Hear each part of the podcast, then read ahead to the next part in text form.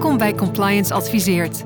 Met experts, adviseurs, bestuurders en de business bespreken we risk en compliance binnen de financiële wereld en alle uitdagingen en dilemma's die daarbij horen. Want voor het juiste en rechte pad bestaat geen navigatiesysteem. Deze podcast wordt mede mogelijk gemaakt door Hiargis en Partner in Compliance. Je host is Jeroen Broekema.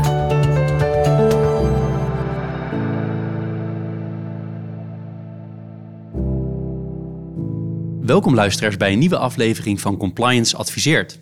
Vandaag bespreken we de uitspraak van het College van Beroep voor het bedrijfsleven in zaken de casus Bunk versus de Nederlandse Bank van 18 oktober 2022. Rondom deze zaak is heel veel media-aandacht geweest, waardoor de meeste luisteraars, denk ik, wel iets hebben meegekregen van deze zaak.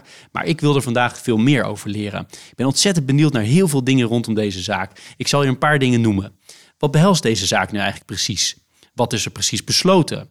Wat zijn de consequenties voor de sector? Wat kunnen we op juridisch gebied nog verwachten de komende tijd? Zullen andere banken bijvoorbeeld vergelijkbare casussen naar de rechter brengen? Of zal dat juist niet gebeuren en is hiermee eigenlijk de kous afgedaan?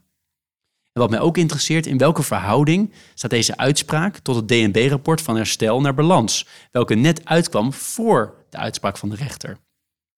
En met wie kunnen we het hiervoor genoemde beter bespreken dan met Guido Rood en Laurens Hille, de advocaten van Vinius, die Bunk bijstonden in deze rechtszaak. Uh, welkom uh, heren. Dankjewel. Veel dank. Leuk dat jullie er zijn. Um, even om te starten zou ik het heel leuk vinden om kort te weten met wie ik aan tafel zit. Uh, Guido. Um, ja, dankjewel. Guido Rood, advocaat bij Vinius. Ik hou me bezig met, met handhavingszaken, procedures tegen toezichthouders, AFM, DNB, soms ook in het Caribisch gebied. En dat doe ik uh, nou, kleine 25 jaar en dat doe ik nog steeds met, uh, met heel veel plezier. En wat is er zo leuk aan om advocaat te zijn?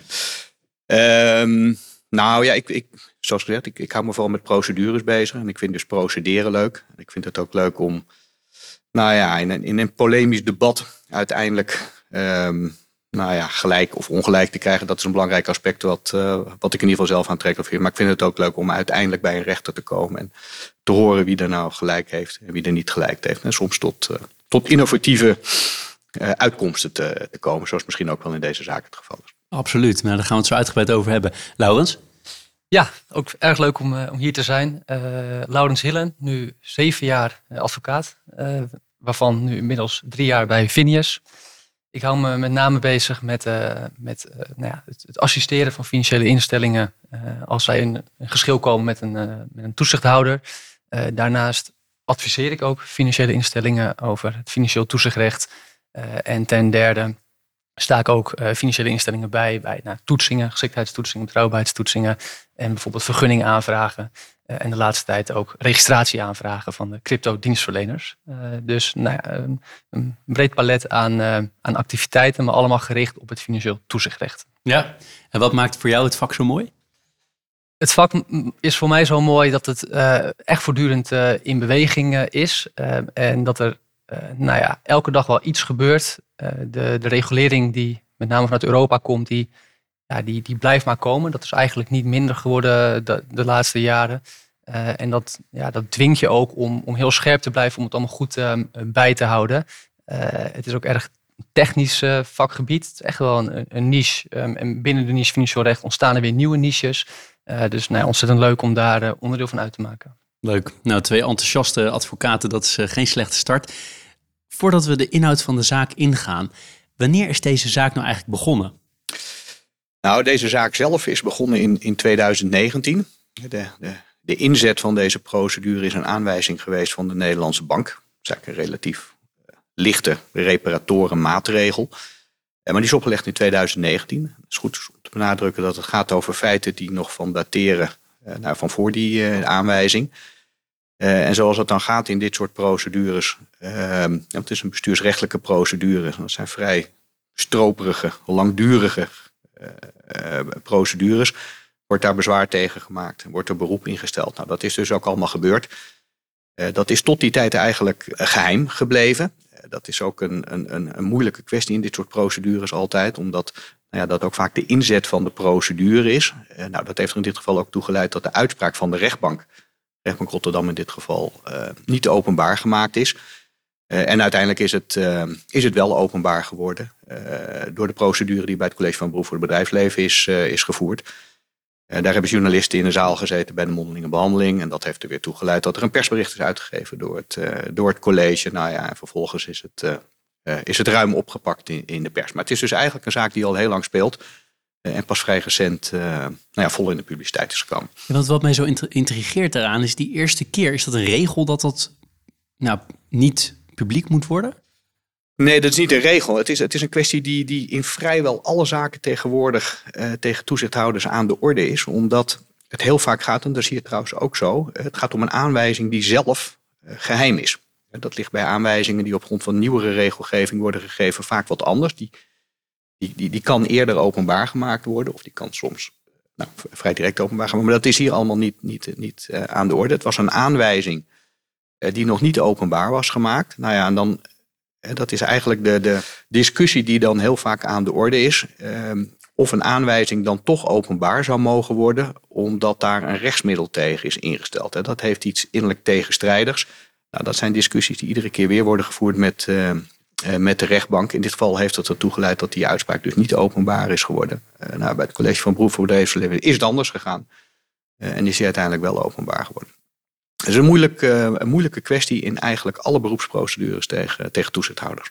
Ja, en het mag dus ook niet. Dus Bunk had in dit geval na de uitspraak van de rechtbank het ook niet openbaar mogen maken? Nou, ik denk dat Bunk het zelf nog wel openbaar had mogen maken. Ik denk dat DNB dat misschien niet had gemogen. Het is een geheimhoudingsplicht die op DNB rust die uitspraak zelf, maar dan voel je al waarom het zo'n ingewikkelde discussie is, is op zichzelf wel in het openbaar gedaan, maar is weer niet op rechtspraak.nl geplaatst. Nou, het, is, het is een heel ingewikkeld spel eigenlijk wat daar iedere keer weer wordt gespeeld. Ehm, maar de bottom line is uh, dat uh, de aanwijzing waar we het hier over hebben zelf nog steeds niet openbaar is. Dat is een, een, een, een nou, zo je wilt, geheime aanwijzing. Eh, maar je kunt door middel van de uitspraak, die inmiddels wel openbaar is, kun je natuurlijk toch van alles lezen en weten over wat er in die aanwijzing heeft, uh, heeft gestaan. Maar het is, het is iedere keer een, een, een complicatie uh, in procedures tegen toezichthouders. Of je door middel van het instellen van het rechtsmiddel, nou ja, niet eigenlijk in je eigen zwaard valt. Hè, doordat, zelfs als je gelijk krijgt in die procedures, nou ja, dat er dan langs die weg toch precies openbaar wordt. Wat je nou eigenlijk juist niet openbaar wilt, wilt hebben. Dat is een moeilijke, moeilijke discussie. Ja, fine line, kan me, kan me voorstellen. En Laurens, waar ging het geschil nou eigenlijk over in de kern?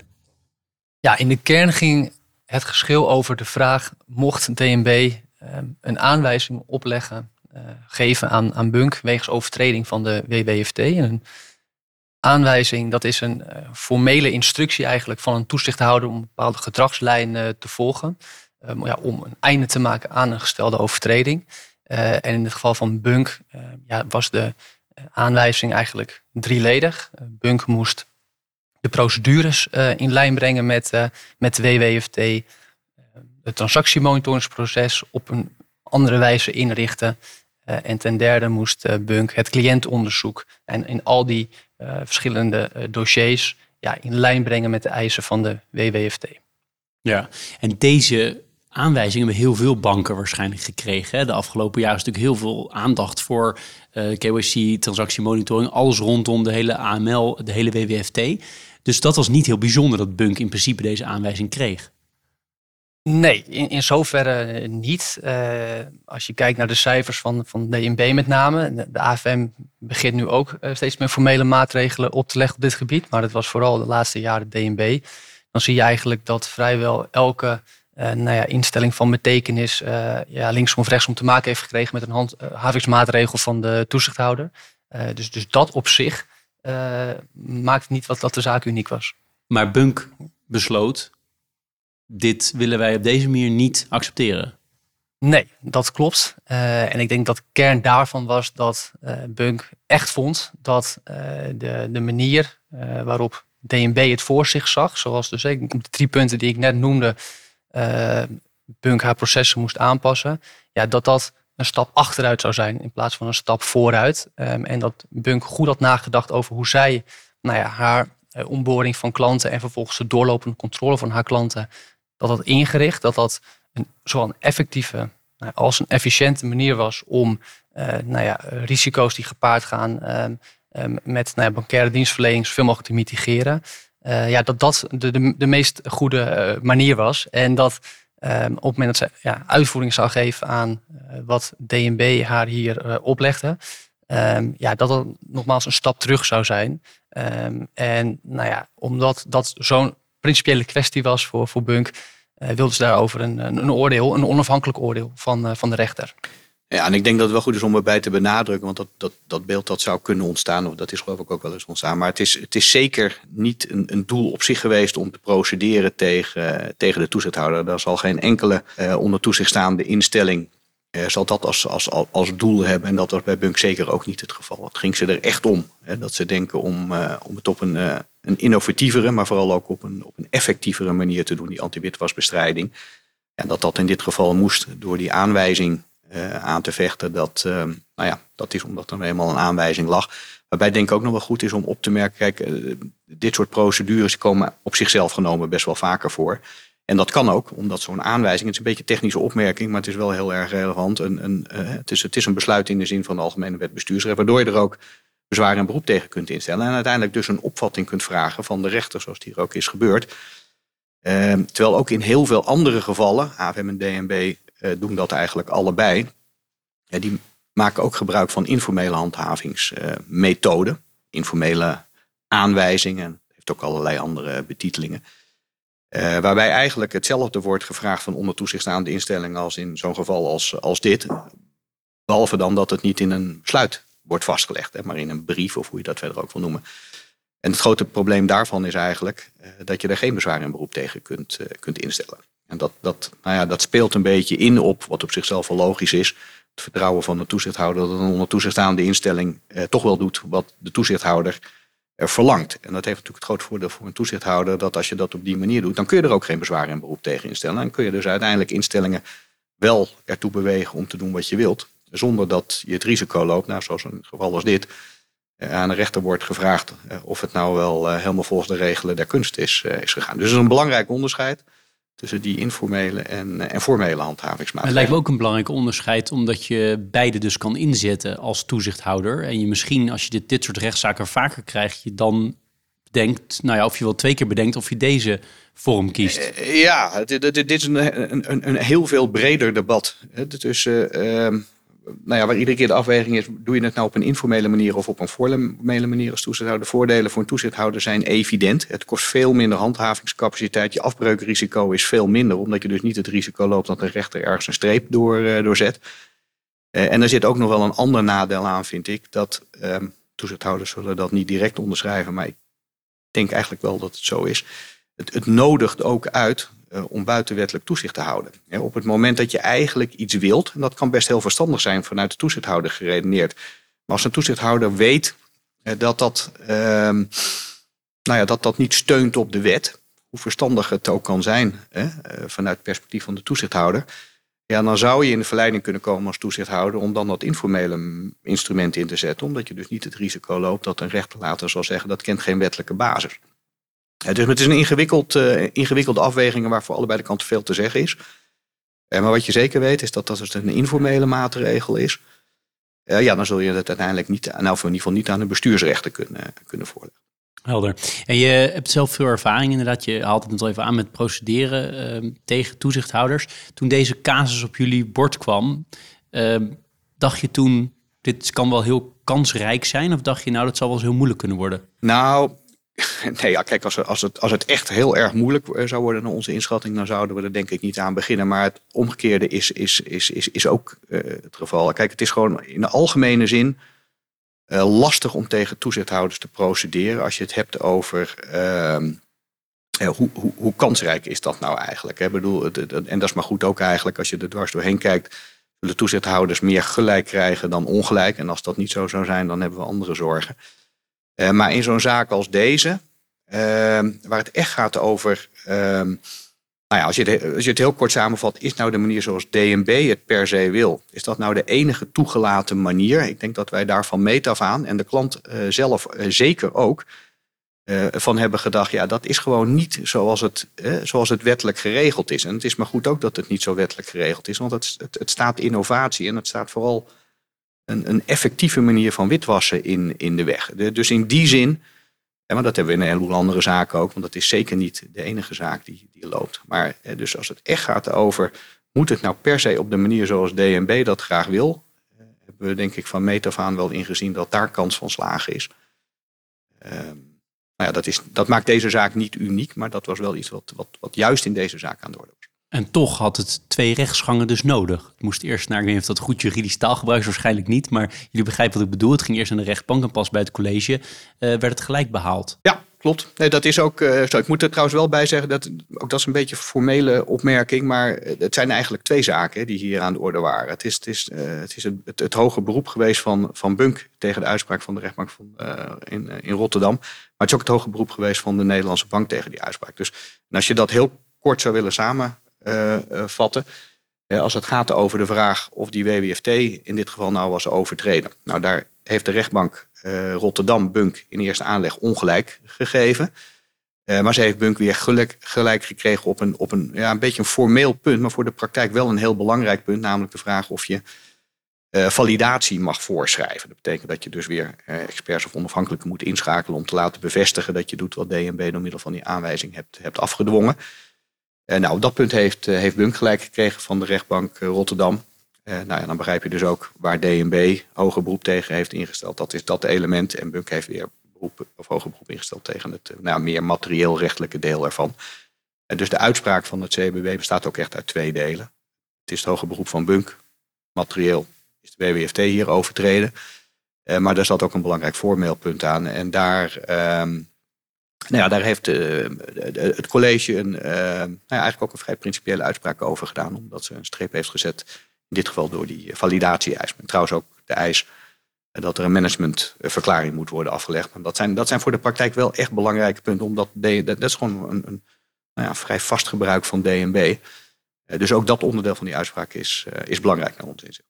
Ja, want laten we daar een heel klein beetje. Jij noemt een aantal dingen al heel snel, hè, maar laten we het nog even een klein beetje afpellen. En die uitspraak, ik heb hem hier voor me liggen, 24 pagina's. Uh, ik heb me er door, enigszins doorheen gewerkt. Uh, maar Laurens, kan jij ons nog even meenemen uh, in zo simpel mogelijke bewoording? Wat nou uiteindelijk die uitspraak, wat is nou echt besloten in die uitspraak? Ja, natuurlijk. maar misschien daaraan voorafgaand goed om nou ja, te noemen dat er in de kern genomen, er waren heel veel punten ter discussie, maar in de kern genomen dat het er zeven punten waren. Waarvan uh, vijf materieel, zoals Guido net ook al eh, aangaf, en, en twee formeel. Misschien dat ik zo kort even kan, uh, kan langslopen. Ja, interessant. Het eerste punt was of Bunk voor elk van haar klanten op de juiste wijze doel en aard van de zakelijke relatie vaststelde. En met zakelijke relatie is een begrip uit de, de WWFT, maar dat doelt op zowel de particuliere klant als de zakelijke klant van Bunk. Tweede punt was of Bunk um, adequate transactiemonitoring toepaste op haar klanten. Derde en vierde punt zag op uh, het onderzoek naar de bron van de middelen, wat uh, in voorkomende gevallen moet worden uitgevoerd. Het vijfde punt was of Bunk wel over adequaat WWFT-beleid uh, beschikt. En het zesde en zevende punt, ja, dat waren dus twee wat meer formele punten. namelijk mocht DNB Bunk verplichten om opvolging eh, van de aanwijzing te laten valideren. En mocht DNB Bunk, eh, althans het bestuur van Bunk, verplichten om te verklaren dat volledig aan de aanwijzing en dus aan de WWFT wordt voldaan. En de slotsom, heel kort gezegd, is dat eh, Bunk op vijf van deze zeven punten door het CWB in het gelijk is gesteld en op twee niet. met betrekking tot die twee bron van de middelenpunten werd de lijn van eh, DNB gevolgd door het CBB. En op alle overige punten werd, uh, nou ja, werden de argumenten van Bunk gevolgd. Helder. En laten we eens even een paar uitpakken. Hè. Op die transactiemonitoring, kan je die nog eens wat verder toelichten wat daar nou echt uitgekomen is? Ja, het punt van transactiemonitoring is op zich interessant, omdat daar een hele discussie, een behoorlijke uitgebreide discussie in het processtuk heeft, heeft plaatsgevonden. Um, maar dat het oordeel van het CBB over transactiemonitoring eigenlijk voortbouwt op het eerste kernpunt. En dat is het doel en aard van de zakelijke relatie vaststellen. Uh, de kern van dat punt was dat eigenlijk DNB zei dat je voor elke individuele klant uh, moet gaan vragen. Uh, wat is nou het doel van de rekening die je bij Bunk opent? En hoe ga je nou die, die betaalrekening bij Bunk gebruiken? of kan je daarvoor dat zij uh, Bunk een andere, meer innovatieve methode uh, toepassen om, dat, uh, om dat te, vast te stellen. En Bunk had namelijk zo'n innovatieve methode. Die maakte gebruik van peer grouping. Die verdeelde haar particuliere klanten eigenlijk in twee segmenten. In een segment met reguliere klanten, ehm, die nou ja, de rekening op vergelijkbare wijze gebruikten en waar ook een laag risico aan was verbonden in termen van, van witwasterrorisme, financiering. En een segment met wat um, ja, hogere um, risicoklanten, particuliere risicoklanten. Um, en dat werd dan de non-regular user group uh, genoemd. Dus je had twee segmenten van, uh, van klanten. Uh, en die, ja, die peer groups die had Bunk vastgesteld op basis van eigenlijk haar nou ja, analyses van haar eigen klantenbestand en de wijze waarop haar eigen klanten die rekeningen gebruikten. Die data-analyse, die statistiek gebruikten ze om nou ja, ook een standaard um, ja, profiel, een doel- en aard profiel vast te stellen. Uh, en uh, dat regular user profile, dat is best wel een belangrijk onderdeel van die uitspraak, omdat daar heel erg op wordt ingezoomd. En dat, de DNB vond dat profiel nou, die had daar allerlei bezwaren tegen. En die vond het ook niet specifiek genoeg, op de klant gericht genoeg. Um, terwijl nou ja, Bunk heel erg had uitgelegd hoe ze tot dat profiel was gekomen. En in eerste instantie werden nieuwe klanten die bij Bunk kwamen, nee, die kregen dat standaard profiel toegewezen. Dus er zat een aantal parameters in. Een aantal transacties per maand bijvoorbeeld. En het maximale volume wat op de rekening stond, een ander voorbeeld. En vervolgens ging ze na de onboarding doorlopend kijken of een specifieke particuliere klant nog wel binnen dat profiel paste. En op het moment dat dat niet langer het geval was, afhankelijk van de omstandigheden, konden er aanvullende vragen worden gesteld aan de klant. En nou ja, ook weer afhankelijk van de antwoorden daarvan, kon die klant worden overgeheveld van nou ja, het, het uh, reguliere segment naar het uh, non-regular uh, user segment. met nou ja, weer intensievere monitoring tot gevolg. Nou, dat is een heel verhaal, maar daar, ging, daar wordt in de, de uitspraak ook heel veel woorden aan gewijd. En eigenlijk is de slotsom van het CBB dat Bunk hier goed heeft uitgelegd nou, hoe ze dit heeft gedaan, welke stapjes ze heeft gevolgd in dit proces en waarom ze tot deze manier van het onboorden van klanten uh, is gekomen. Uh, en dat DNB daar ja, onvoldoende tegenover heeft gesteld. En dat ja, DNB niet goed duidelijk heeft gemaakt waarom deze manier van het vaststellen van doel aard van een zakelijke relatie onvoldoende is om aan het uh, nou ja, wettelijke vereisten te voldoen. Ja, want even voor de zekerheid, voor, voor mijn begripsvorming, het gaat echt om de wijze waarop. Hè? Het gaat niet om of het werkt. Nou, wat, eh, wat het CBB ook um, benadrukt is dat de WWFT een, een open normstelling kent. Um, waarbij um, niet de methode van het cliëntonderzoek inderdaad wordt voorgeschreven, maar het resultaat van het cliëntonderzoek. Ja, ja kijk, wat, wat hier wel interessant is aan, aan deze uitspraak en ook de manier waarop die tot stand is gekomen, is dat, dat is niet altijd zo, eh, maar dat de klant hier zelf op de zitting, en zeker bij het College van Beroep voor het Bedrijfsleven, heel goed en heel nou ja, precies heeft uitgelegd hè, hoe haar methoden werken en waarom zij meent dat die hier effectief zijn en, en doelmatig. En daar is ook heel lang over gesproken. Dat is lang niet tijdens alle zittingen zo.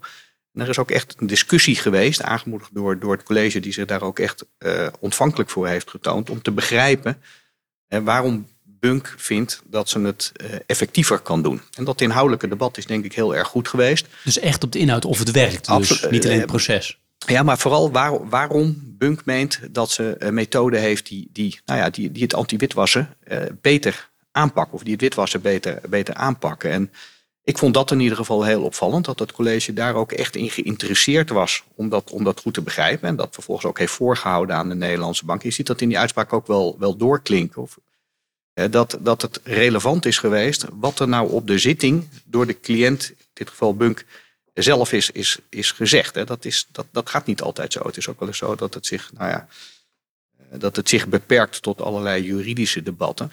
Uh, vandaar dat dat. Uh, nou, ik vond dat in ieder geval iets wat. wat ja, ik kan me voorstellen, want dat gaat uiteindelijk echt over of wat ik noem of het werkt. Want met een open normstelling kan je ook snel hebben van ja, gaat het nou over processen, hoe de wijze waarop, of gaat het nou over hoe het, uh, of het daadwerkelijk ermee boeven vangen? Zeker, en het zijn natuurlijk, het, het zijn voor, denk ik voor juristen, ik moet eerlijk gezegd, uh, voor mijzelf ook, het zijn best ingewikkelde discussies hè, om te begrijpen hoe die methoden nou precies werken en waarom dat nou een, een, een beter resultaat zou opleveren. En ik, ik denk dat dat voor DNB misschien ook wel lastig is geweest, want dat zijn natuurlijk ook juristen die er, nou ja, met een juridische en een procedurele bril naar kijken. Maar daarom was het nou juist zo op, opvallend. En ik denk dat dat misschien ook wel heeft bijgedragen aan de uitkomst in deze zaak. Dat er op de zitting ook, ook, ook echt is gekeken naar, nou ja, maar hoe gaat dat, dat precies? Hè? Hoe wordt nou precies zo'n rekening geopend? En bijvoorbeeld, ik vond dat zelf ook erg interessant eh, om, om, om, nou ja, om beter te begrijpen, je ziet het in die uitspraak ook terugkomen, wat er bijvoorbeeld voor informatie kan worden verkregen over een klant op het moment dat hij die rekening opent, omdat hij een app moet gebruiken. En nou, dat is op de zitting uitgebreid aan de orde gekomen. En ik heb het idee dat dat, ehm, nou ja, dat, dat in niet onbelangrijke mate heeft bijgedragen aan, aan, aan de uitkomst. Omdat men ook echt wel begreep nou ja, dat je langs die weg allerlei informatie kunt, uh, kunt verkrijgen. Dat hoeft dus niet per se, want dat was denk ik het nou ja, misschien wel het debat hier. Dat hoeft dus niet per se te gebeuren door het hè, in, in individueel uh, geval uh, doen van een uitvraag, zoals DNB dat graag ziet. Maar dat kan dus ook op andere methoden. Helder. Is er een ander onderdeel van deze uitspraak die voor jullie het meest in het oog sprong? Nou, misschien niet het meest in het oogsprong, maar dan ga ik toch even terugkomen op het punt wat ik zo net noemde. Er is heel veel aandacht uitgegaan en volkomen logisch en begrijpelijk, ook in de pers, naar nou, eh, hoe zit dat nou met die WWFT-bepaling en hoe zit dat nou met dat vaststellen van doel en aard van de relatie. Dat is ook denk ik wel het belangrijkste. Maar voor de praktijk, omdat dat een belangrijk onderdeel uitmaakt van de manier waarop DNB de zaak aanpakt, is toch ook echt van belang hoe dat zit met die, met die validatie-eisen en die managementverklaring. En dat benadruk ik, eh, omdat die eis uh, heel vaak wordt gesteld door, uh, door DNB. Niet alleen in, in formele aanwijzingen, zoals waar we het dan hier over hebben, maar wel heel vaak hè, als ze een informele handhavingsmethode toepast. En dat betekent nogal wat voor de praktijk. Want dat betekent over het algemeen, niet altijd, maar over het algemeen, dat je een, een duur accountantskantoor moet inschakelen. Ja, om in feite het werk te doen uh, waarvan sommigen toch zullen zeggen dat is toch vooral aan DNB om dat te doen. Dat zie je ook in deze uitspraak wel, wel doorklinken. En voor zo'n managementverklaring, dat, daar, daar geldt hetzelfde voor. Het betekent natuurlijk nog wel wat als jij als bestuurder moet aftekenen voor uh, nou ja, het hebben voldaan aan een aanwijzing. Terwijl we allemaal weten, DNB in de eerste plaats, dat het moeilijke regelgeving is. En dat, nou, heel flauw gezegd, als DNB echt gaat onderzoeken, is toch het idee vaak, dan vinden ze wel wat. Ja, dat, dat kan waar of onwaar zijn. Maar voordat jij als bestuurder je handtekeningen onderzet, hè, dat, je, dat je nou ja, min of meer garandeert dat het nu allemaal op orde is. Nou ja, dat, is, dat, dat levert in de praktijk vaak grote eh, discussies op. Nou ja, daar wordt dus ook iets over gezegd in deze uitspraak. Ja, hij is van tafel. Ja, hij is van tafel. Nou moet ik er wel bij zeggen, er zijn twee manieren waarop dit soort dingen van tafel kunnen gaan. En daar moet ik ook bij zeggen, in eerste aanleg ging het eigenlijk helemaal niet over die managementverklaring, maar alleen over die validatie-eis. Ja, daar kun je van zeggen, dat was in ieder geval ons standpunt, dat dat nou ja, ten principale niet kan. Hè, omdat een aanwijzing moet strekken tot het herstel in een normconforme situatie. En zo'n validatie, ja, die, die bevestigt alleen maar nou ja, of het wel of niet normconform is. Maar dat op zichzelf strekt niet, het is een beetje technisch gaan, maar dat strekt niet tot, tot direct tot herstel. Nou, dat is heel kort gezegd, misschien een beetje te kort gezegd, ook een beetje de lijn geweest die de rechtbank Rotterdam heeft gevolgd. Het CBB heeft een iets andere lijn gevolgd. Die heeft gezegd, nou ja, in dit geval is het niet uh, aangetoond dat het noodzakelijk was om die validatie-eis te stellen. Dat is natuurlijk toch een andere manier van uh, beredeneren. Maar de uitkomst is wel dezelfde geweest. En dat geldt ook voor die, voor die managementverklaring. Die zijn in dit geval van tafel gegaan. En dat heeft voor de praktijk, dat, zien we nu ook wel. Want dat speelt natuurlijk in andere zaken ook. Er zijn veel meer aanwijzingen gegeven. Waar zo'n validatie-eis in staat of zo'n zo'n managementverklaring wordt, wordt vereist. Ja, en dat gaat er dus toe leiden en we zien dat nu ook al wel een beetje eh, in de praktijk, dat ook in andere zaken DNB eh, moet gaan kijken of op basis van deze CBB-uitspraak eh, haar besluiten moeten worden aangepast. Nou, dat gaat dus enerzijds over dat WWFT-aspect. maar daarbij is het natuurlijk wel zo dat dat heel specifiek betrekking heeft op de situatie bij Bunk. dus ja, of dat een bredere werking heeft, dat, dat is niet gezegd. Maar op die andere twee onderdelen, managementverklaring en validatie-eis, eh, ligt dat wat meer in de reden. En dat, eh, en dat, zal, eh, dat zal dus ook gaan gebeuren. Nou, we straks, ik wil straks namelijk hebben met de over de consequenties van deze hele zaak. Nu heb je alvast een klein beetje voorschot gegeven. Dat, dat is heel mooi. Nog even terug naar de, naar de uitkomsten van de, van de zaak zelf. De directe uitkomsten. In, in die punten die je opnoemde, Laus, die zeven punten, waar zit dat hele PEP-verhaal? Die, die politically exposed persons, people, persons? Dat is het punt van de bron van de middelen, uh, waarbij ook herkomst van het vermogen uh, bij hoort. Want dat liep niet goed af voor Bunk, begrijp ik. Nee, dat ging om, uh, uiteindelijk om twee individuele gevallen.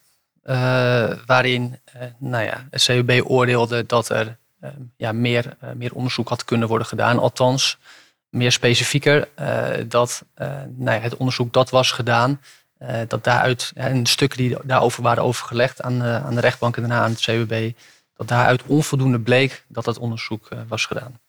Ja, want wat ik grappig aan vond, ik weet niet, uh, Guido, of jullie het samen geschreven hebben. In ieder geval, jij, Guido, schreef een, een, leuk eh, korte blog met, uh, met, een interessante titel, vond ik, de Slam Bank. Maar daarin zeg je ook wel geteld, hè? Wel geteld twee. Jij zei het ook al, het waren er maar, maar twee, of mijn woorden. Maar is dat raar dat het er maar zo weinig waren dan? Want het klinkt voor mij ook als heel weinig om daar je een oordeel over te hebben. Het ja, kunnen er honderden zijn, toch? Ja, nou ja, goed.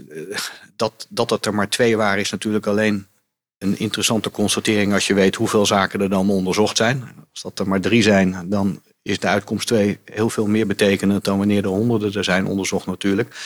Dan weet ik even niet meer precies hoeveel, hoeveel dossiers op dit punt nou precies waren, waren onderzocht. Maar je ziet wel in die uitspraak van. Kijk, hier, wat, nou, ik moet trouwens goed zeggen, want hier speelde namelijk ook nog heel erg de discussie mee. Die eigenlijk die hele procedure heeft geloofd wat nou eigenlijk precies een PEP was. En nou ja, daar waren partijen uiteindelijk wel tot het inzicht gekomen dat dat er veel minder waren dan in het begin. Eh, toen die aanwijzing werd gegeven. En dan is vervolgens de vraag, nou ja, wat wordt er dan in die gevallen eh, verwacht? Nou ja, kort en goed kwam dat er uiteindelijk op neer dat in dit geval door het CBB werd gevonden dat er in twee gevallen inderdaad sprake was van een PEP. En dat dus die, die eisen niet werden nageleefd. Maar ik, ik, ik ben wel met je eens, eh, kijk, je, daar kun je pas echt consequenties aan verbinden aan dat getal als je weet, nou ja, op, op hoeveel zaken het dan precies betrekking heeft. Waar ik nu, je nam net al een klein beetje een voorschot, uh, Guido, maar waar ik uh, heel erg benieuwd naar ben, is wat zijn nou alle mogelijke consequenties van deze zaak? Hier heeft natuurlijk iedereen meegekeken, alle juristen van alle banken en alle andere onder toezicht staande instellingen van de WWFT hebben natuurlijk hier naar gekeken van wat betekent het voor mij?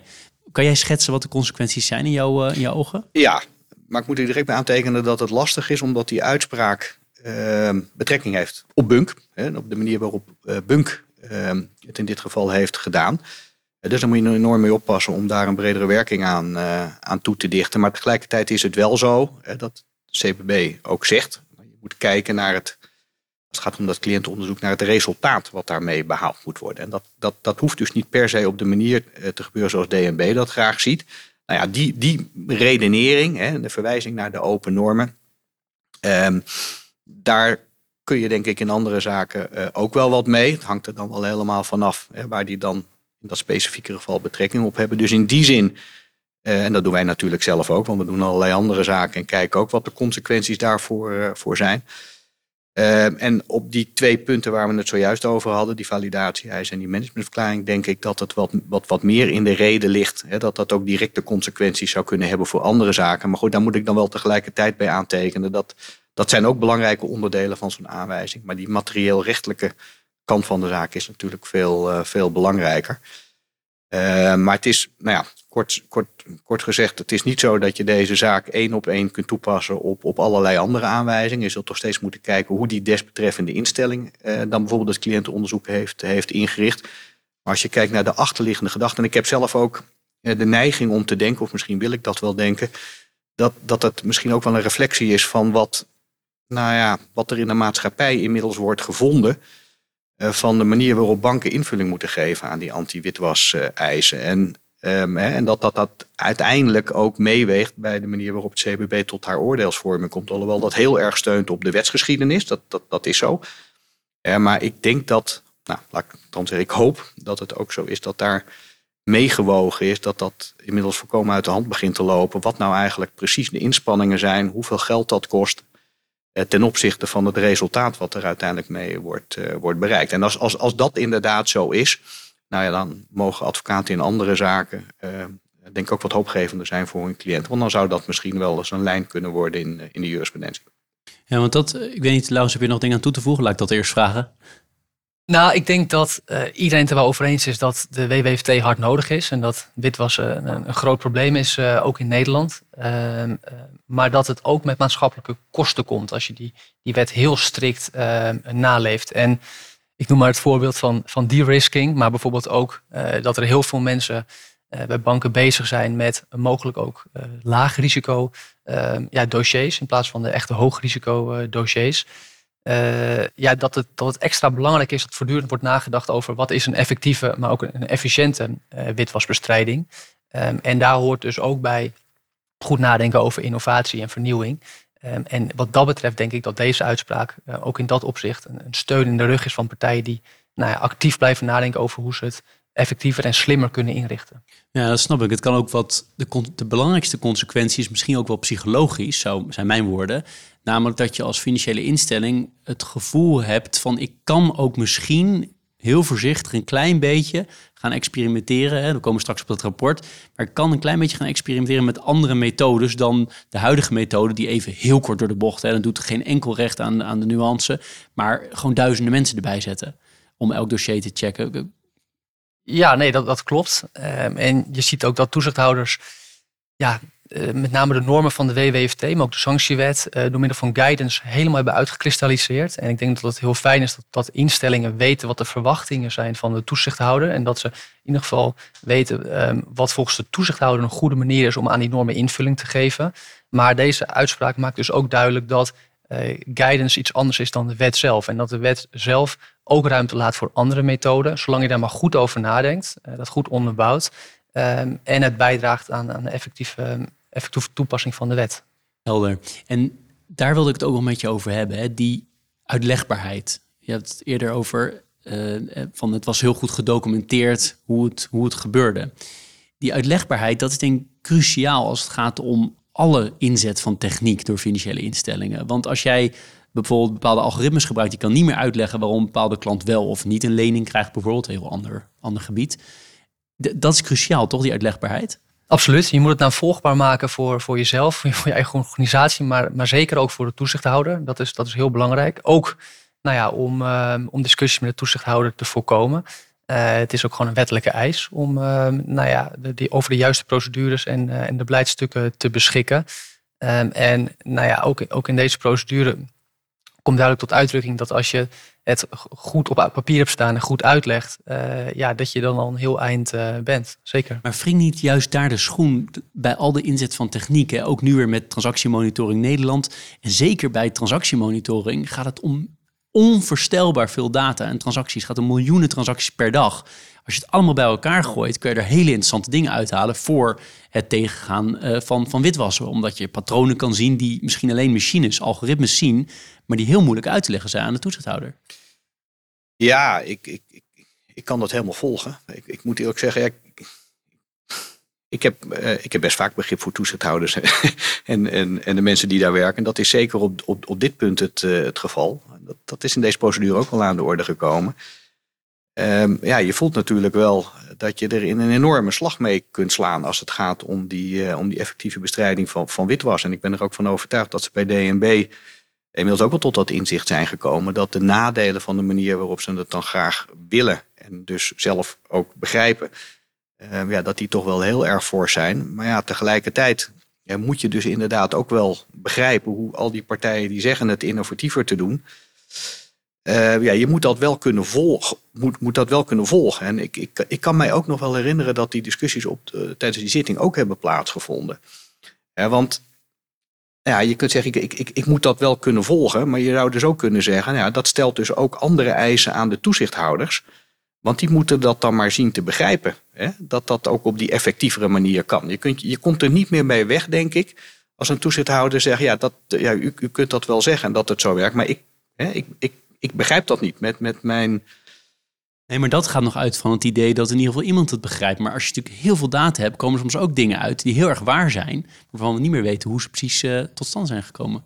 Ja, nou, ik vind dat eerlijk gezegd een hele lastige discussie. Want als, als de premisse is dat het waar is, dan zou het wat mij betreft uh, zou dat prima zijn. maar ik, ik, ik, ik kan heel goed begrijpen, en ik geloof dat ook wel, jij noemde net even dat rapport van DNB. En daar wordt, misschien dat je daar straks nog over wat, eh, wat over wilt vragen. Maar, ja, maar daar wordt daar natuurlijk ook wel iets over gezegd. Over dat het risicogebaseerder moet. En, en dat er meer ruimte moet zijn voor, uh, voor artificial intelligence. Maar er wordt er tegelijkertijd ook hè, wordt daarbij aangegeven. Er moeten wel waarborgen zijn. Nou, die zien natuurlijk met name hierop. Maar wat, wat, wat ik denk dat lastig is. Zo heb ik dat zelf ook in deze procedure ervaren. Ja, als je discussies gaat krijgen tussen techneuten en mensen die weten hoe die algoritmes werken. En je moet dat gaan uitleggen aan, aan beleidsmakers en beslissings, hè, degene die de beslissingen nemen en aan juristen. En dat wil, dat, dat, dat, wil nog wel eens eh, tot, um, nou, tot lastigheden leiden. En ik, ik, ja, uiteindelijk denk ik toch dat het onvermijdelijk is dat ook, net zoals de, de, de markt en de financiële partijen daar, daar steeds meer in investeren, ja, dat dat dus ook geldt voor de toezichthouder. Ja, en die moeten dan dus uh, ja, denk ik ook beter gaan begrijpen nou ja, of het inderdaad wel allemaal zo effectief is. En, en hoe dan iets wat waar is uiteindelijk nou ja, op basis waarvan dat steunt. Ja, want kijk, eh, de effectiviteit zit voor mij ook in twee dingen. Hè. Als je het continuum pakt in extreme, van we, hebben niet gezien dat er hier een Russian laundromat plaatsvindt hè, bij een van onze banken. Versus, we zijn allerlei klanten aan het uitsluiten die gewoon heel legale business doen, maar niet meer aan een rekening komen. En daar ergens moet je tussenin zitten. Dus die effectiviteit slaat beide kanten op, wat mij betreft. Uh. Ja, nee, zeker. En ik kijk, ik kan helemaal volgen uh, dat DNB zegt, ja, er moest wel wat gebeuren, want uh, nou, het was gewoon niet, niet op orde. Hè, die, die hele anti-witwasbestrijding. Nou, dat, dat, dat wil ik graag aannemen ik wel tegelijkertijd bij zeggen, dat vinden wij dan weer heel erg wonderlijk. Eh, dat je, eh, nou ja, als je naar dit soort besluiten en ook allerlei andere soorten besluiten kijkt, dan wordt er ook heel vaak verwezen naar het, uh, nou ja, de, het verleden, laten we zeggen zo'n beetje vanaf, vanaf 2012 of zoiets. Ja, daar, daar, daar valt dan toch ook wel op dat die toezichthouders daar eigenlijk zelf helemaal geen enkele belangstelling hebben gehad voor de naleving van deze regelgeving. Dat is op een gegeven moment gekomen. Daar zullen ongetwijfeld ook allerlei uh, internationale eisen of de FATF aan ten grondslag liggen. Dat is toch vaak een, een, een motor om, om er meer vaart achter te zetten. Nou ja, allemaal begrijpelijk. En ik denk dat als het gaat over aanwijzingen of lasten onder dwangsom, nou, dan is dat eigenlijk ook helemaal niet zo problematisch. Hè. Dan, dan is het niet zo relevant of daar de EMB en AFM daar nou zelf heel erg achteraan hebben gezeten in het verleden. Je moet gewoon zorgen dat het op orde wordt gebracht. Eh, bij boetes vind ik het een heel ander verhaal. Hè, want dan is ook even de vraag of je nou ja, als, als, als onder toezicht staande instelling nou niet in de waan bent gebracht hè, dat het allemaal wel meeviel als daar nou eigenlijk, hè, als door toezichthouders zelfs helemaal aandacht aan, aan wordt besteed. Maar het is een, uh, ja, het, het, het, het, blijft een, een doorlopend debat waar ergens een evenwicht zal worden gevonden. Het evenwicht dat zal wel gaan opschuiven, daar ben ik van overtuigd. Ja, want jij zit dan uh, deze zaak uh, tot in detail voor te bereiden. Dan komt opeens het rapport uit, of was het helemaal niet opeens? Nou ja, voor mij kwam dat rapport wel opeens. Um, en ik was ook niet meer deze zaak aan het voorbereiden, want daar waren we inmiddels al wel mee klaar. ja, de zaak moest nog, uh, hij moest nog behandeld worden, laat ik het zo zeggen. Uh, nou, ik moet even goed nadenken. Volgens mij was die zaak al lang al behandeld, want het heeft wel even geduurd voordat deze uitspraak kwam. Die, die zitting. Dat is interessant. Uh, ik weet niet of ja. jij dat nog weet, Laurens, maar die was volgens mij. Nou, de zitting was in ieder geval voorafgaand aan het rapport. ja, en zelfs geruime tijd volgens mij. En, maar het is, de publicatiedatum was na het uitkomen van het rapport, maar de, de zitting zelf was voor het rapport. Ja, ja, zeker. Is dat nou, jullie zijn advocaten, dus als het antwoord is dat weten we niet, is dat ook prima. Maar is dat nou toevallig? Daar ben ik dan zo nieuwsgierig naar. Ja, dat durf ik natuurlijk niet te zeggen. Maar ik weet wel dat wij zelf, toen we dat rapport lazen, daar allerlei dingen in meenden te lezen. Uh, waarvan we dachten, hé, hey, dat is eigenlijk best anders dan wat wij tijdens de zitting hebben gehoord over hoe je deze witwasregelgeving moet uitleggen. En toen we de uitspraak eenmaal kregen, toen hebben we ook misschien wel eens gedacht, goh, zou, zou DNB dat hebben voelen aankomen of zo? Nou, ik denk eerlijk gezegd dat dat niet zo is. Ik denk dat uh, het, het, het, gewoon onvermijdelijk is geworden voor, voor DNB uh, dat er iets moet gaan veranderen, omdat de nadelen uh, van de manier waarop het tot nu toe ging gewoon te groot werden. En nou goed, dus, het loopt natuurlijk ook niet helemaal één op één, maar je, je, hoort bepaalde dingen in de uitspraak doorklinken die ook in, het, in dat rapport van DNB hoort doorklinken.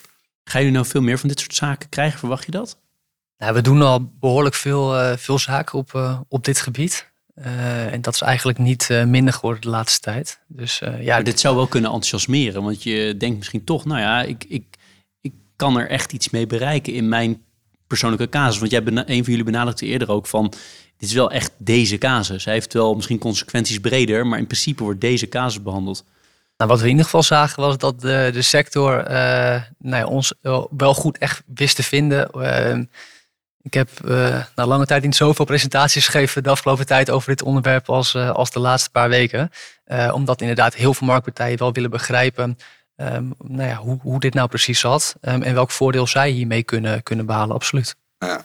Nee, en, en wat denk ik ook wel zo is, is dat, kijk, voor, voor grootbanken kennelijk zijn de afwegingen daar in het verleden zo gemaakt dat er, dat er niet of niet zo vaak wordt geprocedeerd tegen toezichthouder. Ik moet er tegelijkertijd bij zeggen, er wordt echt heel veel meer geprocedeerd tegen AFM en DNB dan men zo al denkt. Maar ik zojuist je loopt er niet mee te koop, toch? Meestal? Je loopt er niet mee te koop en het wordt ook niet altijd openbaar. En er zit een groot verschil tussen nou ja, aanwijzingen en lasten onder dwangsom. Hè, aan de ene kant en aan de andere kant uh, ja, hoge punitieve sancties. Die, die, die, punitieve sancties worden vaak zo hoog tegenwoordig. Die boetes zijn zo uh, omvangrijk dat het zelfs voor grote partijen voldoende reden is om daar wel tegen te, te procederen. Maar ik denk tegelijkertijd ook wel dat als het gaat om aanwijzingen en lasten, nou ja, dat zo'n uitspraak als deze misschien toch voor partijen aanleiding kan zijn om eens wat vaker aan de orde te stellen of de manier waarop DNB het nou wel de enige manier is die is toegestaan. Uh, en als ik er nog dit aan toe mag, wat, wat ik zelf altijd wel opmerkelijk heb gevonden, want ik kan helemaal volgen hoor, waarom uh, grootbanken nou ja, de afwegingen maken zoals ze die afmaken en nou niet uh, de toezichthouder al te vaak willen aanvallen of daar willen tegen protesteren. Maar wat mij wel verbaasd heeft, is dat er nu vanuit die hoek, maar bijvoorbeeld ook vanuit eh, de NVB of andere belangenorganisaties van, van banken, steun wordt betuigd aan, ehm, eh, aan Bunk. En dat, eh, nou, dat ze worden gecomplimenteerd met, met het feit dat ze dat dan hebben aangedurfd. Terwijl ik dan tegelijkertijd zou denken, nou ja, waarom is dat dan in het verleden bijvoorbeeld niet vanuit het collectief? Dat een individuele bank of een grote bank dat misschien niet wil, dat begrijp je wel. Het is toch een beetje het gevoel dat je dan de kastanjes uit het vuur moet halen voor, voor de rest van de sector.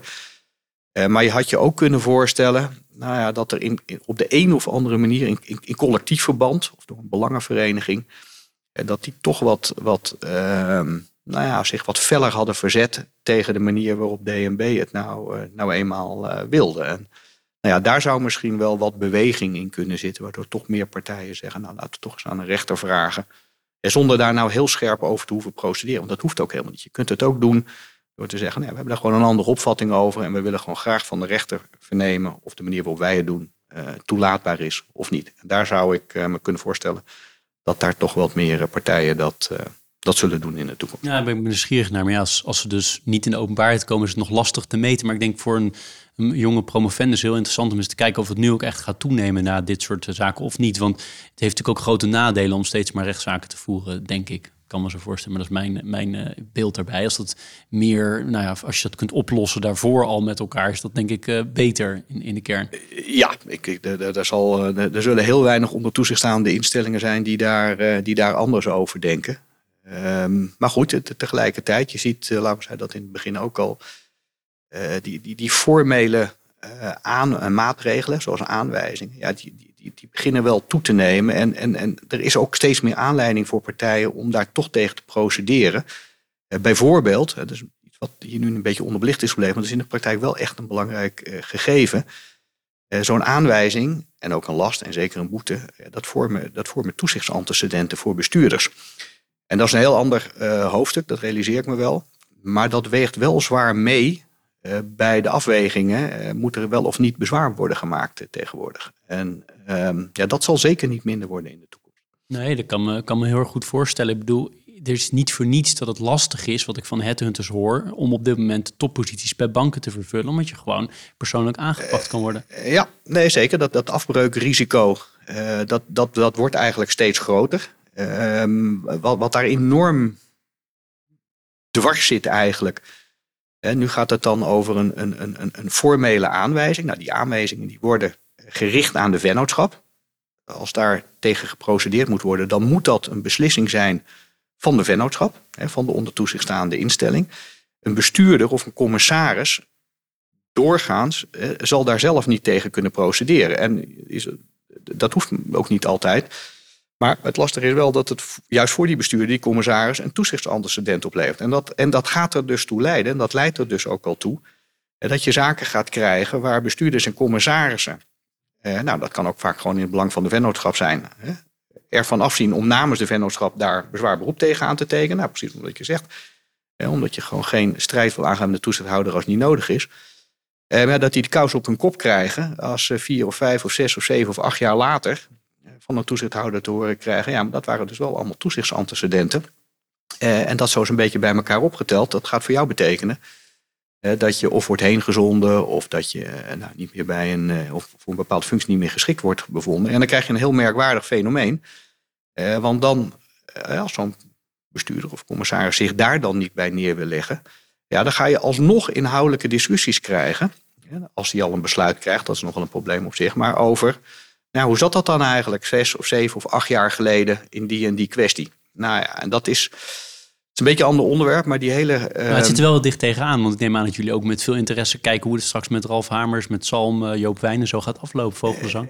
Uh, ja, nee zeker. En, en, en, en wij hebben zelf, bedoel, dat is echt een, een, een, een ontzettend belangrijk thema bij onder toezicht staande instellingen, maar met name ook bij bestuurders en commissarissen zelf. Dat raakt er ook een beetje aan wat, daarom zei ik dat ook over die, die gevraagde managementverklaringen.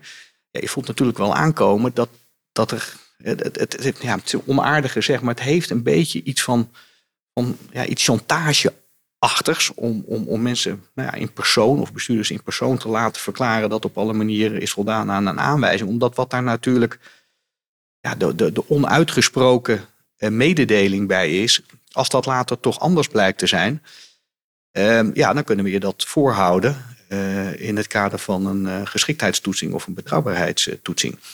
En dat, dat is echt een ontzettend moeilijk thema, omdat je daar, nou ja, daar gaan natuurlijk ook de belangen, daar kunnen de belangen van de onder toegestaande instelling en de desbetreffende bestuurder, commissaris uiteenlopen.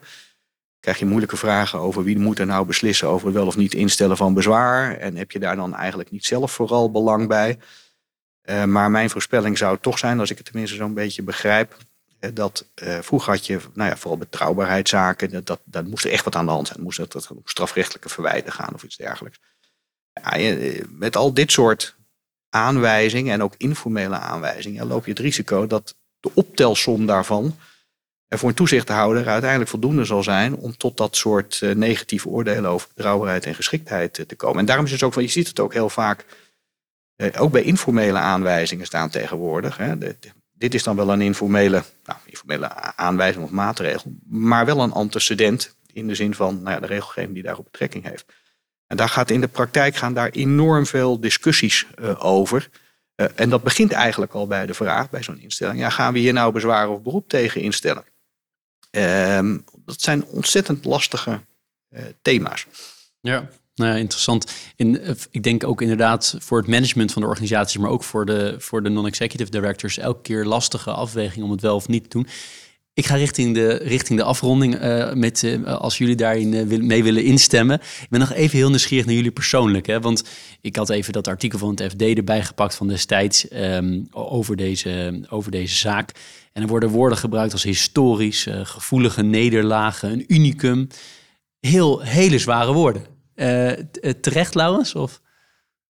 Nou, terecht weet ik niet. Het is wel een, uh, ik denk een wel inderdaad een bijzondere zaak. Uh, het heeft natuurlijk wel iets van een, een, David versus Goliath gehalte.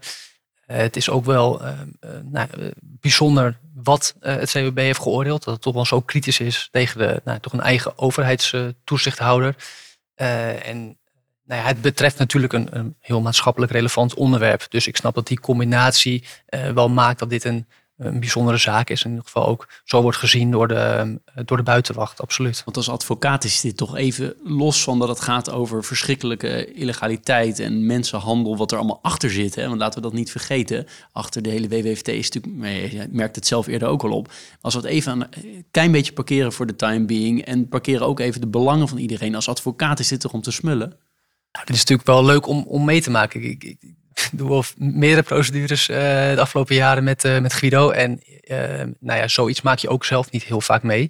Ik moet zeggen, wat ik zelf heel erg leuk vond aan deze zaak is nou, dat ik al langere tijd geïnteresseerd ben in, in kunstmatige intelligentie en hoe financiële instellingen daar nou toepassing aan geven. En dat ik nu eens van dichtbij zag hoe een instelling concreet toepassing geeft aan een, aan een AI-oplossing. In dit geval dan machine learning.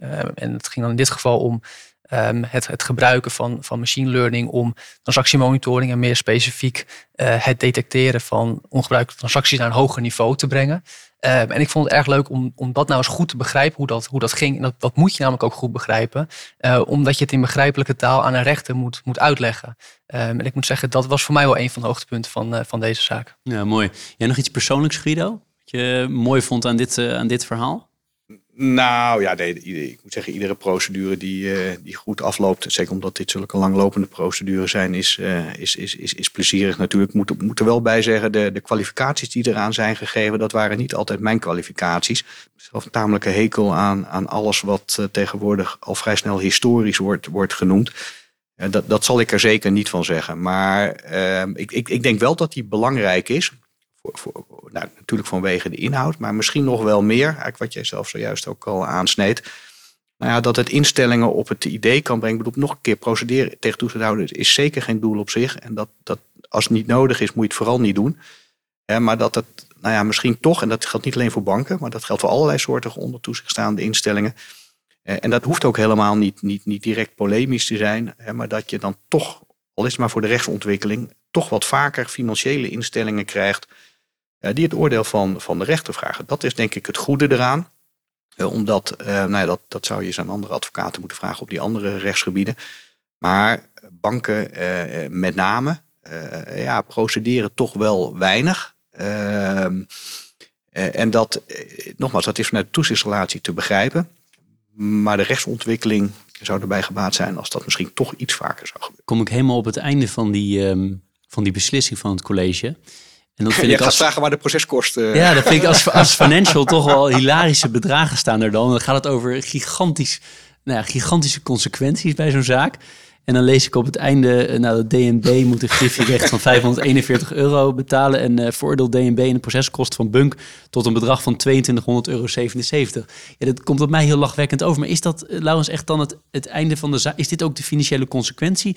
Of moeten bijvoorbeeld advocaatkosten ook dan vergoed worden door de partij die verliest? Of hoe werkt zoiets? Nee, nee, dit is inderdaad het einde van de zaak. En zoals het eigenlijk altijd gaat, zijn, heb je gewoon forfaitaire kostentabellen. Dus dat, dat is dat zijn niet de werkelijke kosten, maar dat zijn dan ja, de, de kosten uh, zoals die uh, in, in de wet zijn. Ja, per, dus met een bepaald puntensysteem wordt dat zo uitgewerkt. en ja, nee, dit, dat is inderdaad maar een fractie van de daadwerkelijke kosten. Ehm, maar hoe het, ehm, ja, hoe het in Nederland is ingericht. Ja. Helder.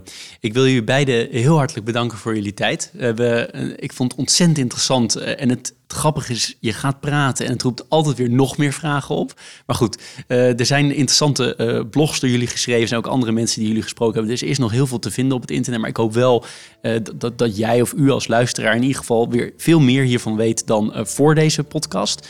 Um, ik heb als uh, bedankje voor jullie een aantal dingen hier liggen. Dat ga ik zo overhandigen na, de, na deze aflevering. In ieder geval zit daarin een koffie van, uh, van Bocca Koffie, een B Corp gecertificeerd uh, bedrijf dat hier uh, aan bijdraagt.